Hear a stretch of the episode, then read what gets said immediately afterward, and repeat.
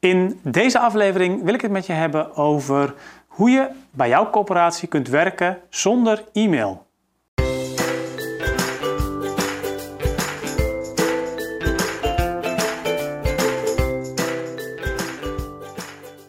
Ja, ik las eh, onlangs eh, dit boek van Col Newport. Het heet eh, Bevrijd in het Nederlands. de toekomst van werk in een wereld van communicatieoverload. De Engelstalige hoofdtitel is overigens Een wereld zonder e-mail. En dat is ook meteen een goede, bondige samenvatting van het boek.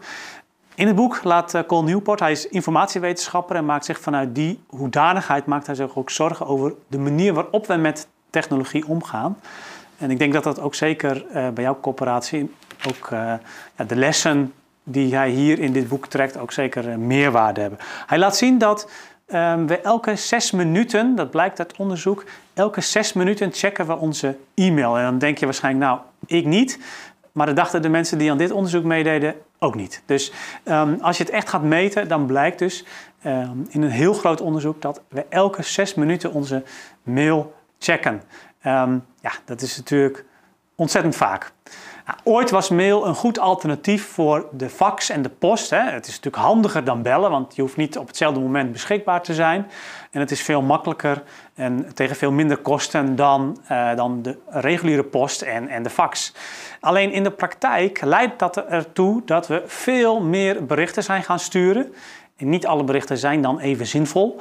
En, en belangrijker nog, um, mail, en, en het geldt ook voor uh, chatberichten in uh, tools zoals Slack of, of andere berichtenservices, ook WhatsApp bijvoorbeeld, als je dat uh, binnen jouw corporatie gebruikt.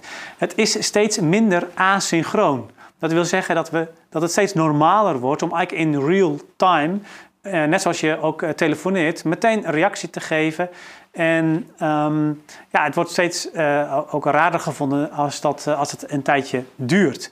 Nou, dan had je dus eigenlijk net zo goed kunnen gaan bellen. Um, Col Newport die noemt deze werkwijze, hè, waardoor je, waarbij je eigenlijk voortdurend uh, ja, die mail- en die chatfuncties in de gaten houdt, dat noemt hij het hyperactieve collectieve brein. En dat heeft voor- en nadelen. Het voordeel van zo'n hyperactief collectief brein is dat je ja, snel kunt afstemmen met collega's. Ook snel weer door kunt als je input van een collega nodig hebt. En um, ja, dat is, dat is wat dat betreft natuurlijk uh, handig. De, het grote nadeel is natuurlijk dat de ruimte voor werk waar je echt je concentratie bij nodig hebt, die, um, ja, die neemt gewoon ogen af en wordt steeds minder en minder. Um, en uh, ondertussen zit je wel in je hoofd met een hele lijstje aan taken wat je nog wil doen, maar waar je gewoon niet toe komt. En dat levert natuurlijk veel stress op. Um, ja, die, die focustijd, dat heb je wel nodig. Zeker als je beleidsmaker bent en je moet een notitie schrijven. Maar eerlijk gezegd ook wel als manager. Hè? Uh, ook dan moet je af en toe strategisch kunnen nadenken over uh, het werk wat je gaat uitbesteden, wat jou, het werk wat je afdeling doet, hoe jullie dat doen. En uh, dus niet alleen als beleidsmaker, maar ook als manager en ook alle, eigenlijk bijna alle andere functies binnen de corporatie heb je gewoon ruimte nodig om af en toe te kunnen nadenken zonder dat je daarbij uh, gestoord wordt. In de afgelopen jaren is heel veel nadruk gelegd op uh, ja, eigenlijk de, de vaardigheden van jou als individu om daar efficiënt, oh om efficiënt te kunnen werken. En uh, nou ja, tips als uh, kijk maar een paar keer per dag naar je mail, et cetera.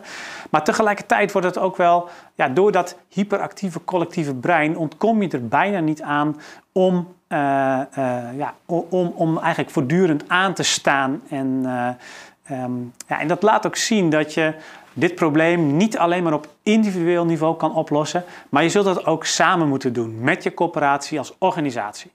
En um, nou ja, dat, dat, laat dit boek heel goed zien. Um, hè, zoals in een ander uh, opiniestuk ook iemand schreef van ja, als je uh, als iemand continu modder op je vooruit uh, aan het gooien is, ja, dan, dan is het niet zo zinvol om allemaal tips te geven over hoe je je auto schoon kunt houden. Dan moet je gewoon zorgen dat die modder niet meer op je raam gegooid wordt. En je moet dat dus uh, met time management ook samen doen. Um, om te beginnen, lees dit boek. Dan ontdek je ook hoe je uh, afkomt van die oneindige stroom e-mail. Eerlijk gezegd, het, het, het, het zijn um, goede suggesties die hier in het boek staan. Maar het is ook niet meer dan een begin natuurlijk, uh, maar wel een goed begin. En um, ja, ga dit boek dus lezen, of misschien nog wel beter, uh, geef dit boek cadeau aan je leidinggevende, aan je bestuurder, aan je raad van commissarissen. En uh, dan kun je daar ook als organisatie samen mee aan de slag. Ik wens je daar heel veel succes mee en uh, ik zie je graag de volgende keer weer. Tot ziens.